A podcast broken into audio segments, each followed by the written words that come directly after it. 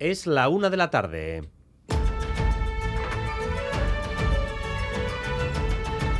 Crónica de Euskadi con Dani Álvarez.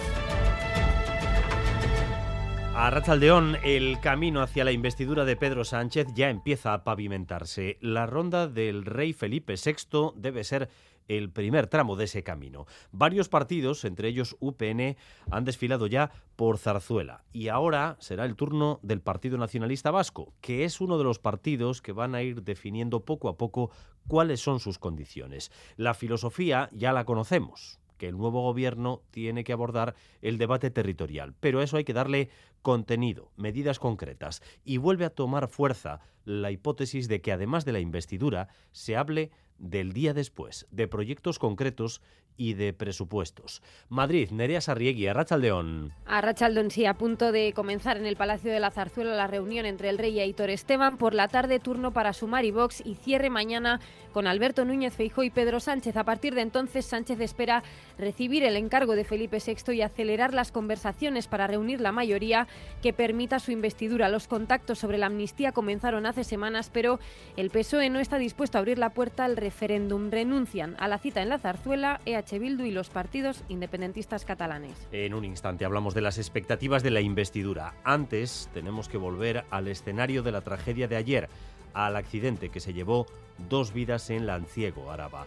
Al dolor de una tragedia de este estilo se le une el hecho de que las víctimas mortales eran familiares, eran cuñados. Y además hay un estupor inevitable porque este enemigo invisible, el tufo, sigue causando accidentes de este tipo. Miquel Saez. Sí, así es. Entre los habitantes del pueblo la sensación hoy era una mezcla de profunda tristeza, pero también de cierto estupor porque se sigan produciendo este tipo de siniestros. De hecho, la alcaldesa de Lanciego ha hablado de la necesidad de buscar nuevas medidas de seguridad que ayuden a evitar en la medida de lo posible estos accidentes. Los bodegueros inmersos de lleno en la vendimia no ocultan que el miedo al tufo está presente en su día día. Y también les contaremos lo que se sabe, lo último que se sabe sobre el incendio mortal de Murcia. Cada dato que va apareciendo hace más preocupante la situación y va señalando nuevos responsables porque una de las discotecas incendiadas funcionaba sin licencia desde enero del año 2022, según ha confirmado el ayuntamiento. Y además empieza la campaña de vacunación contra la gripe y la COVID. Desde hoy, los mayores de 60 años y la población de riesgo pueden pedir cita en Osakidecha para vacunarse. Y la principal novedad de esta campaña es que empieza a ponerse la vacuna pediátrica contra la gripe, una protección más, dado que niños y niñas recibirán este mismo mes la vacuna contra la bronquiolitis. Natalia Serrano. Un año más, aquí está, comienza ya la campaña con un llamamiento esta vez expreso a vacunarse para prevenir mejor que curar y con esa novedad de que por primera vez se va a poner la pediátrica contra la gripe a los niños de 5 meses hasta los 6 años. A partir de hoy se podrá solicitar cita también para la población infantil para iniciar la vacunación a partir del día 9 de octubre la semana que viene, el lunes que viene ya. Gochones Agardui, consejera, explicaba que también se va a priorizar a los mayores de 60 años y población de riesgo. Estos desde hoy van a poder también pedir cita para ser vacunados a partir del lunes que viene, en este caso de gripe y COVID-19. Y las personas menores de 60 no se quedan fuera, también podrán hacerlo a partir de noviembre. Precisamente hoy se acaba de fallar el Premio Nobel de Medicina y los premiados son los investigadores Katalin Caricó y Drew Baseman por su trabajo en el desarrollo de la vacuna ARN mensajero que permitió reducir los efectos letales de la COVID-19.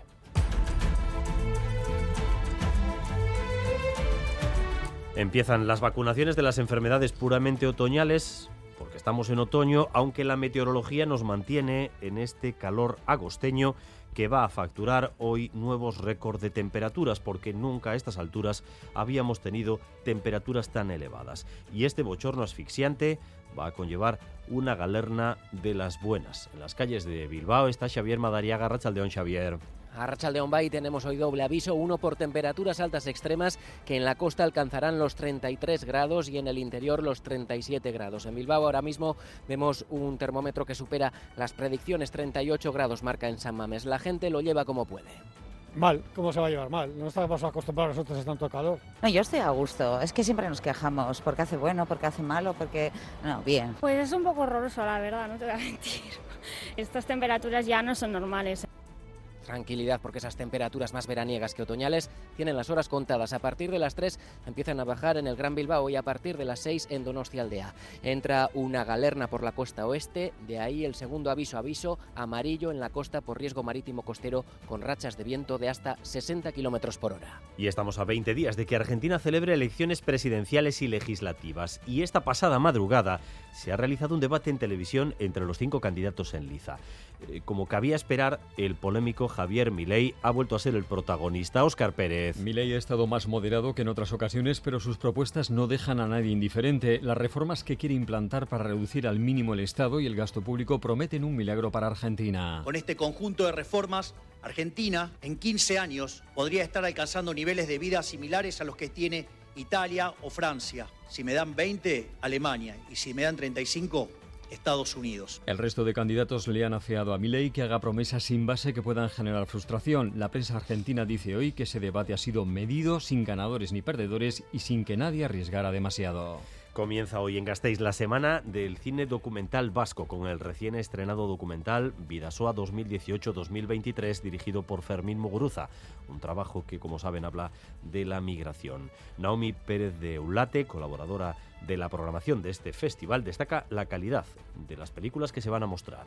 Cada vez en Euskal Herria hay, hay mucho más tendencia a crear un cine de nivel, ¿no? De hecho, bueno, empezamos nuestra semana con, con un director que es que Fermín Muguruza, ¿no? Gente de, de, renombre, con trabajos muy potentes, ideas muy frescas y damos las gracias a que, a que sí, a que cada vez eh, podemos contar con más tipo de contenidos de este alto calibre en el tráfico. Ahora mismo una furgoneta averiada ocupa un carril en la N622 en Cigoitia sentido Altuve. N622 Cigoitia sentido Altuve, una furgoneta averiada ocupa un carril. Y vamos también con lo más destacado del deporte, Álvaro Fernández Cadierno, Arrachaldeón. Arrachaldeón en un lunes de viaje para la Real que llegará eso de las cinco y media a Austria, en donde mañana tiene partido de Champions, segunda jornada frente al Salzburgo, además eh, con los ecos todavía de la victoria de Osasuna en el derby por 0 a 2 en Vitoria ante el Deportivo Alaves. Y dos apuntes más del fin de semana, pelota victoria de Ezcurdia y Mariez Currena, 22 a 6 ante Altuna e Imaz en la final del Masters CaixaBank y por supuesto en golf ese triunfo de Europa en la Raiders sobre Estados Unidos con un estelar John Ram. Gracias un día más por elegir Radio Euskadi y Radio Vitoria para informarse. Raúl González y José Ignacio Revuelta se encargan de la dirección técnica, María Cereceda de la coordinación. Crónica de Euskadi con Dani Álvarez.